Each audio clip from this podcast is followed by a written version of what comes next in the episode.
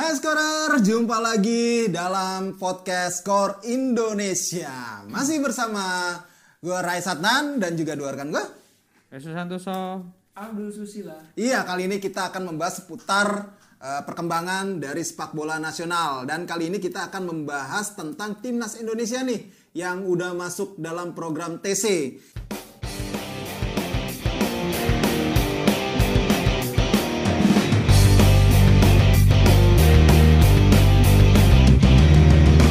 Nah, yang menarik adalah eh, di pemanggilan pemain pada periode TC kali ini, Coach Sintayong memanggil kiper-kiper muda.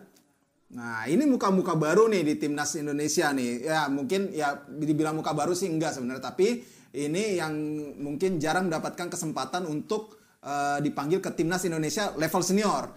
Ya, kita sebut aja sih nama-namanya. Ada Nadio Argawinata dari Bali United, kemudian ada Miswar Saputra yang sekarang berstatus sebagai kiper PSM. Kemudian ada Rifki Morko Dompit, ya kiper Persebaya dan terakhir yang paling muda nih, Muhammad Riyandi, kiper Barito Putra. Nah, kalau melihat daftar-daftar itu nih buat teman gue berdua tanggapannya seperti apa? Gue buka dulu deh. Mas Estu dulu ya. Iya. Enggak, pertanyaannya adalah eh, siapa yang mengamati Kiper-kiper pemain-pemain- Eh, Iya, termasuk semua pemain ini. Karena tidak ada pertandingan dan beberapa agak-agak mungkin agak-agak ada yang mempertanyakan gitu ya. Kalau di kiper sih nggak terlalu kontroversi banget. Karena Rian i- Februari itu Nadio ikut latihan. Ya, Riyandi ikut ya. Iya, Jadi dua dua nggak ikut kan. Waktu itu Rido sama Andri Tani ya berarti. iya ya? betul. Ridho enggak? Enggak deh, eh, Andri Oh, Tani. Sama si Eh, Teja ya? Eh, bukan. Bukan, bukan. siapa ya? Satu lagi ya? Jadi lupa Masih muda kiper U19. Ad, aduh Adi.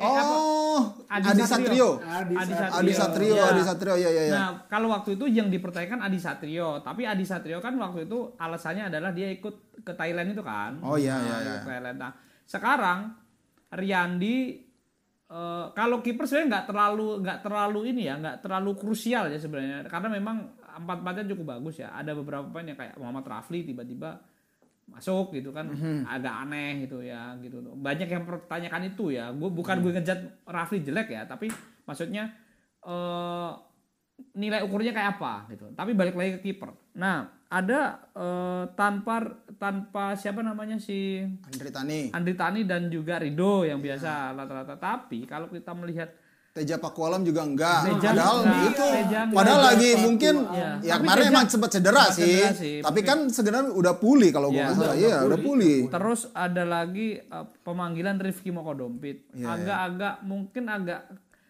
eh, saya nggak tahu lah ya itu pasti punya perhitungan lain karena saya tidak tidak berhak untuk menilai soal teknik ya. Iya. Tapi kalau dilihat dari track record Persib lebih bagus Persib dong. Ya. Teja. Teja kan ya. Walaupun Teja tidak main full tiga Musim pertandingan. ini ya, musim ini. Musim- Tiga hitungannya tiga pertandingan itulah. Iya, Nah, itu satu. Kedua eh Miswar oke lah, Miswar jam terbang di Asia oke. Eh, di apa namanya? eh apa namanya? Mana, Piala FC? Ya, Piala FC. Ah. Walaupun dia ganti sama Hilman PSM. Shah ya. Di PSM sama PSM. PSM. Heeh, PSM. Eh, Rifki eh, mungkin di beberapa pertandingan Persebaya kalah sama Bali eh, Persipura kan terakhir. Iya, iya. Nah, maksud gue eh, ini agak-agak agak agak-agak something happen walaupun gue tahu Rifki Mokodopit itu 2011 itu cadangan cadangan tidak didaftarkan di SEA Games Games, waktu itu iya. kan. Nah, tapi agak-agak aneh juga kalau memang itu untuk senior ya. Karena memang pilih aja sebenarnya kan Tapi mungkin Rifki punya perkembangan kali. Ya bisa Yang jadi, tapi kan kalau dilihat pertandingan tiga pertandingan terakhir, menurut gue alat ukur yang pas kan tiga pertandingan terakhir. Setelah itu kan nggak ada pertandingan lagi. Ah, iya, iya. iya. Kalau lu Itu- gimana itu sih? Ya, Teja sih sayang banget nggak dipanggil. betul. Teja Paku Alam, kalau Rido ya eh, dengan melihat penampilan dia saat melawan eh pra Piala Dunia itu Aha. Iya. dan Andri Tani sangat ya sangat wajar nggak dipanggil dua pemain ini sih. Ya.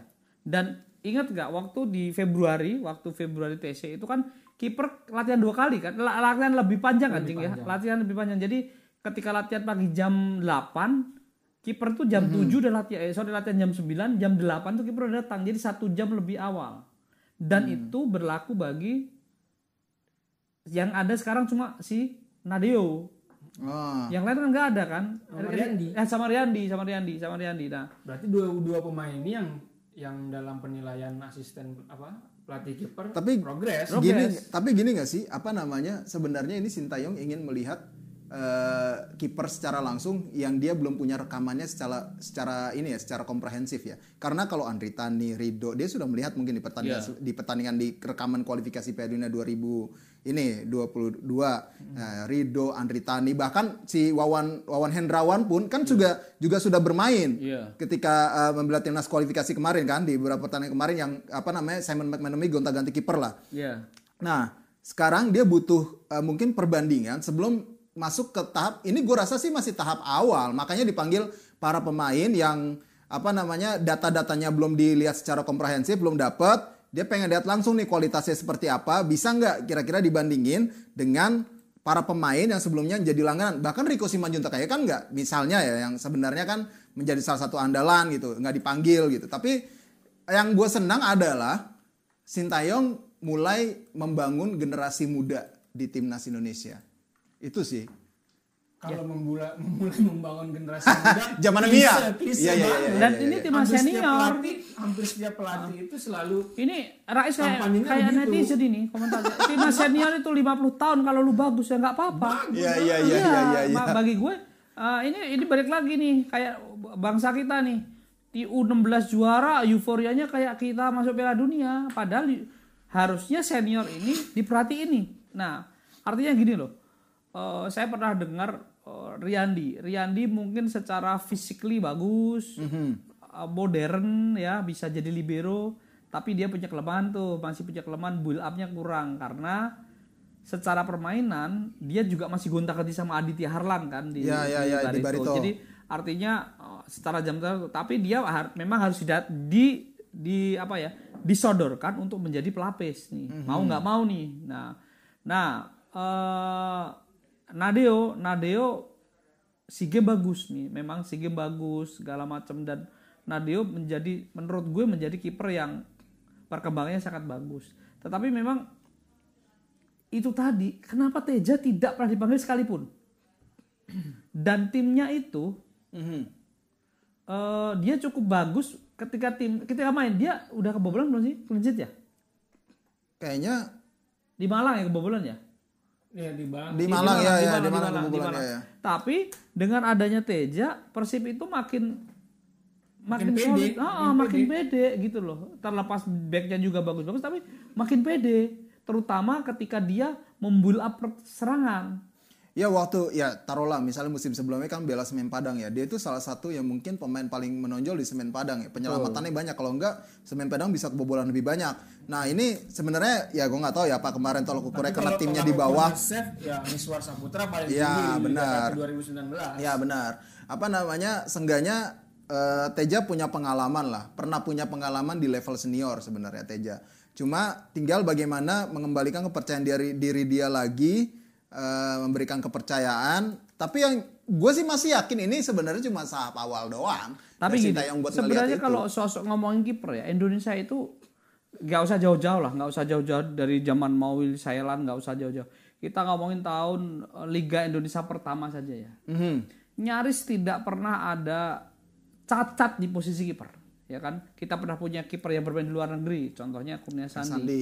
Kita pernah punya dalam satu turnamen kiper itu tiga-tiganya bagus dan dua kiper utamanya gonta-gantian main, bukan Hmm. karena jelek ya.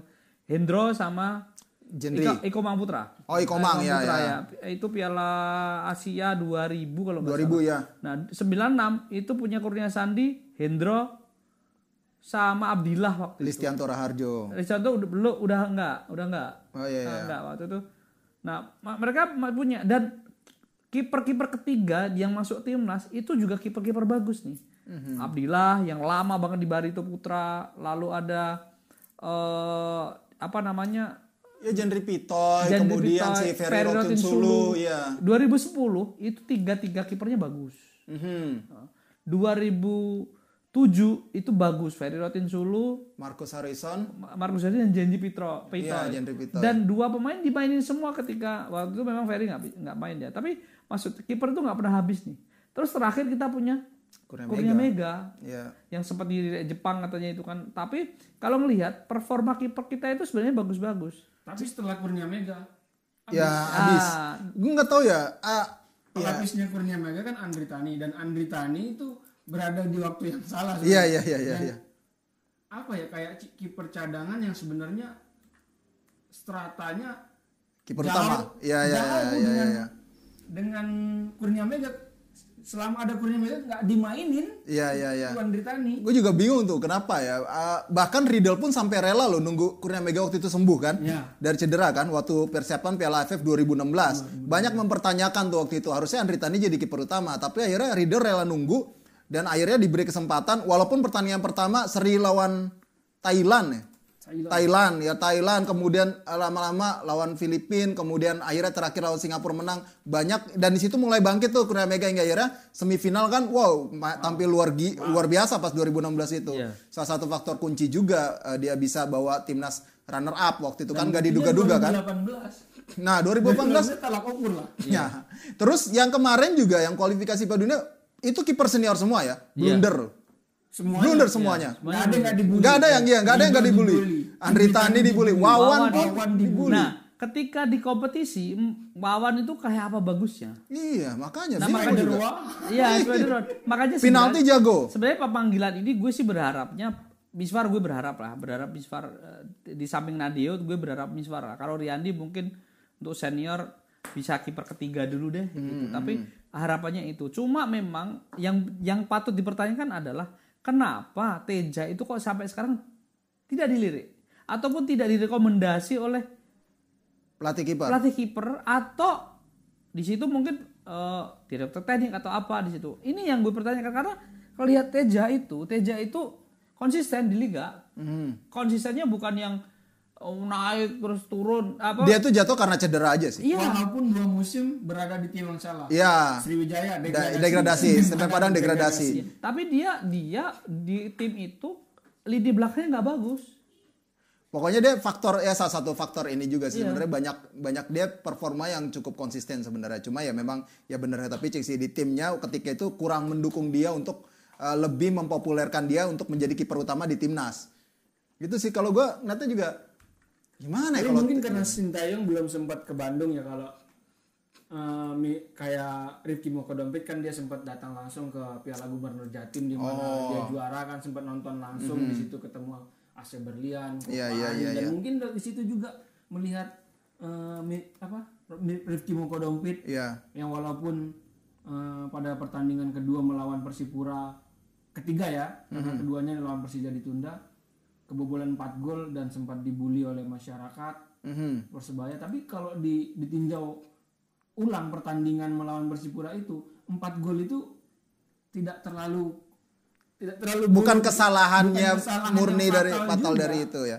Tapi gue inget Rifki itu salah satu kiper yang kadang-kadang suka melakukan. ya ini sebenarnya sih Iya. ma- manusiawi ya. Tapi kadang-kadang dia melakukan itu di saat yang tidak tepat, blunder-blunder walaupun itu.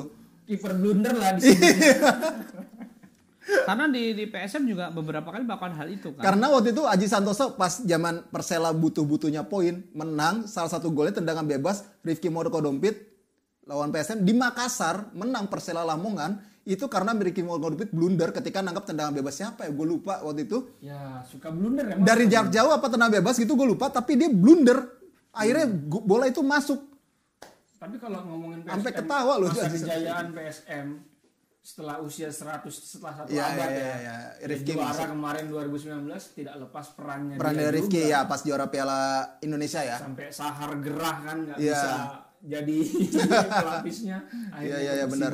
Oh iya benar-benar. Tapi itu ya kalau saya kan ceritanya karena memang ada ya ada sesuatu lah juga ya konflik interest lah di di tim gitu. Tapi yang jelas ya kita berharap sih kiper kita memang benar kata Mas itu kita nggak pernah kehabisan kiper. Iya. Itu benar. tapi emang masalah komunikasi ini jelek salah satu contohnya adalah Zulpiandi Zulpiandi itu saat ini sedang dalam masa pemulihan cedera Nah iya dia Dia dipanggil udah, udah ya. latihan cuma dipanggil ini kan salah satu komunikasi yang buruk Iya dari- benar benar benar ya, nggak disampaikan ya. lah ya ya harus diakuin itulah yang Iya terjadi benar kan ada di manajemen ya.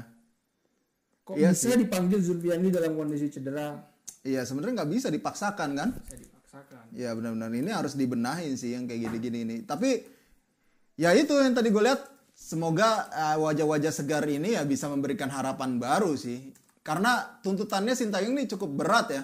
Maksudnya bebannya berat banget di kualifikasi Piala Dunia ini kita belum pernah dapat poin dari 4 4 apa 5 ya? Berat sih kalau Piala Dunia Lima, nothing, nothing tulus. Iya. Kenapa gue bilang nothing tulus? Karena sebenarnya beban dia itu adalah Piala AFF di mana AFF. dia menjanjikan juara. Iya. Kalau tahun ini nggak ditunda dan 2021 itu yang lebih utama adalah bagaimana Sintayong meloloskan Indonesia Ke ke, 16 Piala Asia Iya. 2023 yang fasenya kualifikasi dari Nah ini, nah yang penting tuh ini ini kan masuk dari kualifikasi, ya. tulus. Ini kan masuk kualifikasi Piala Asia, makanya ini biar biar dapat jatah untuk setidaknya lewat playoff, iya lolos ke Piala jalur Asia. dan Benar. panjang. Ini yang harus dikejar sih Piala 2023. Asia ini sih yang harus dikejar. Harga mati sih kalau gue sih kalau Piala Asia ini kita udah berapa tahun nggak lolos Piala Asia 2014 Dua edisi. dua edisi lah ya. Iya. 2000 setelah 2007 2011 2010 ya. 11 2012 di di segala se- Qatar. Empat empat ya. empat. Qatar ya. Ya ya empat ya ya, ya. 2011 terus kemarin 2014. iya eh, 2015 Eh 2018 ya benar benar. Tiga, tiga edisi berarti. Tiga edisi, tiga edisi, Jadi- makanya. Jadi eh, kalau ngomongin itu muki- kita sebenarnya kan mundur kan sebenarnya di ngomongin level Asia ya, ngomong Hmm. level Asia terlepas 2007 terakhir kita tuan rumah tapi kan tiga sebelumnya kan kita lolos kualifikasi Potter. Mhm. Nah, makanya kan gini, sekarang harusnya balik lagi nih, ini agak meluas dari kiper ya. PSSI itu harus punya target yang benar, target yang matok. Kalau memang tahun ini memang ngejar PLF ya dikonsentrasi Piala AFF. Ini semuanya konsentrasi U20. Nah itu loh maksud gue senior itu nggak dipikirin hanya kayak ini ini pelajaran lagi 2007 ketika kita tidak lolos U23 zaman Luis Milla pertama iya, iya. tidak ada presiden buruk karena kita 2017. katanya kita men- 17 ya karena kita menuju Asian Asia eh, SEA Game bukan SEA Game dulu yang kenapa ngejar SEA Game sama Asian Game presisius iya tapi kan nggak ngaruh buat FIFA maksud gue itu prioritas itu harus ada gitu Ya, ya, ya. Tetap yang dihitung FIFA adalah senior. Iya. Maksudnya itu. Maksudnya itu gitu loh. Kalau misalnya ada Asian Game, SEA Game kan beda, itu udah beda. Itu Hmm. bi- bikin satgas sendiri lah kalau enggak gitu lah. Pemainnya mungkin sama tapi bikin satgas sendiri, tapi timnas senior ini loh selalu dilupakan gitu loh. Ya, hanya ini tuan rumah nih Piala Dunia, kemarin Asian Game. Gue yakin belum belum udah nggak dapet apa-apa. Mhm. Asian Game buktinya kita nggak nggak bicara banyak delapan besar. dapat bisa kalah sama Vietnam yang semifinal. Nah, maksudnya kayak gitu, gitu loh. Itu yang menurut gue harus coba diga- dicari garis besarnya. Itu. Itu dia. Ya ya ya ya ya. Tapi optimis nggak melihat empat kiper ini? Gue sih optimis ya. Eh, optimis optimis eh, Rifki juga punya pengalaman dia cukup lama di timnas level junior dari 2011 lah. Dia pindah-pindah klub dan banyak sekali eh, bermain di di level atas Liga Indonesia. Riyandi memang harus di kader lah. Nadeo mungkin sekarang bintangnya lagi Nadeo. Miswar kita tunggu Miswar seperti apa. Yang yang mungkin bikin penasaran saya adalah Miswar gitu. Karena Miswar ini kan orang baru istilahnya kan. Walaupun usianya udah nggak udah nggak semuda Riyandi gitu, tapi orang baru gitu. Ini Kiper dari Aceh. iya iya iya iya. iya. Oh iya benar juga ya kiper daerah itu jarang-jarang loh. jarang. Yang jarang mengeluarkan kiper hebat itu Aceh sama Papua. Iya. Iya gue bingung tuh Papua tuh nggak nggak ada kiper yang ini Iya. banget ya. Padahal beberapa kali ada ya Titus apa Alfonsius. Alphonsus Kelvan terus ya siapa yang Kelvan di bukannya- bukan perseru Papua. Kelvan bukan Papua NTT. si eh, NTT si yang perseru-seru yang di sekarang di Bali United Iya. Samuel Remas. ah sama Remas Yang terakhir bagus Silvio Gepse. nah Celcio Gepse Silvio itu Gepse. sama Iya, dulu ada Yu- eh, Ferdinand Vairio. Ya, Ferdinand Vairio, bukan dong. eh, Bukan. Bonai, Bonai gitu loh. Iya, iya, Yohanes iya, Bonai, iya, Yohanes iya, Bonai. iya, iya. Tapi ya gitu, kiper Papua paling hebat ya Yo Jae-hoon lah. Pace Yo Jae-hoon. ya Jaihun ya Jaihun oke oke Kalau gue sih te- ya kalau ngelihat latihan eh, tim-timnya Sintayong saat Februari lalu sangat optimis. Saya sih pribadi sangat optimis karena apa? Latihan kipernya tuh wow, wow Ya, banget. kita wow. nonton ya, kita benar-benar Wow, nonton. latihannya itu pagi-pagi sampai siang tengah hari bolong masih digembleng terus. Iya. dihajar ya Khusus kiper loh itu. Terus. Khusus kiper loh. Jadi kalau kalau kiper insya Allah kalau dapat panggilan Sintayong keluar dari situ jadi kiper top lah. Harusnya ya. Iya. Karena kipernya ini pelatih ini juga dikorek Pelatih top. kiper top ini. Iya iya iya pelatih kiper top. Bukan iya benar benar benar. Dan karakternya lebih karena ya sadar sih fisik dan segala macamnya yoi banget sih. Iya. Karakter mainnya nggak jauh berbeda. Kalau Sintayong 442 dengan karakter Indonesia yang dulu sih cocok. Iya, cocok, sih. cocok. 433 yang menyadur kekinian tapi belum nyampe sebenarnya ilmunya pemain Indonesia. Oh, tapi kan Villanesia 433 loh kalau gue Iya nggak salah. kan itu kan usia muda. Hmm. usia muda yang baru ditanamkan ini untuk generasinya si bagus bagas yang yang mereka mulai dari 2016 Iya, Villanesia iya, iya. itu ada tapi apa pemain-pemain yang belum memulai dari situ kan terbiasa dengan pola 442 Iya iya iya. Mulai tidak terbiasa dengan karakter Tapi sekarang pelatih-pelatih di Liga Indonesia 4231. ya biasa Mbak, ikut-ikutan biasa mah Iya iya iya iya ya, biar lebih Belum kelihatan nyampe modern ya. Biar lebih nyampe. kelihatan modern ya. ini belum nyampe Belum nyampe ini dari segi pemainnya belum bisa menginterpretasikan Iya. dengan baik ya ya. Karena karena Mengimplementasikannya iya yang iya pa- benar. paling penting dari sebuah strategi adalah bagaimana pemain itu ber, menjalankan apa yang dimau pelatih. Iya bisa kalau ya. pertandingan formasi 433 prakteknya Iya iya iya iya iya. Iya, dua di- iya benar.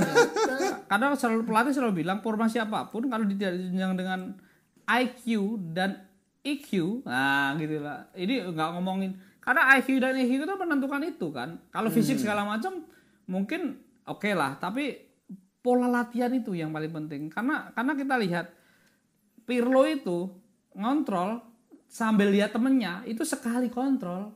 Iya iya. Ah, saya nggak ngomong Indonesia ya Indonesia lihat aja sendiri kontrolnya kayak apa tapi lihat orang sekali kontrol nah maksud gue hal-hal kayak gitu itu kan penting buat buat ini dan semoga Villanesia ini saya nggak mau lima tahun lagi lah 20 tahun lagi menghasilkan sesuatu yang baik 20 tahun lagi ya Ya semoga programnya nggak diubah juga dan terus berkesinambungan. Itu kan yang penting konsistensi dari program kan. yes Ketika ganti pengurus, program ini tetap jalan. Yang baik ya.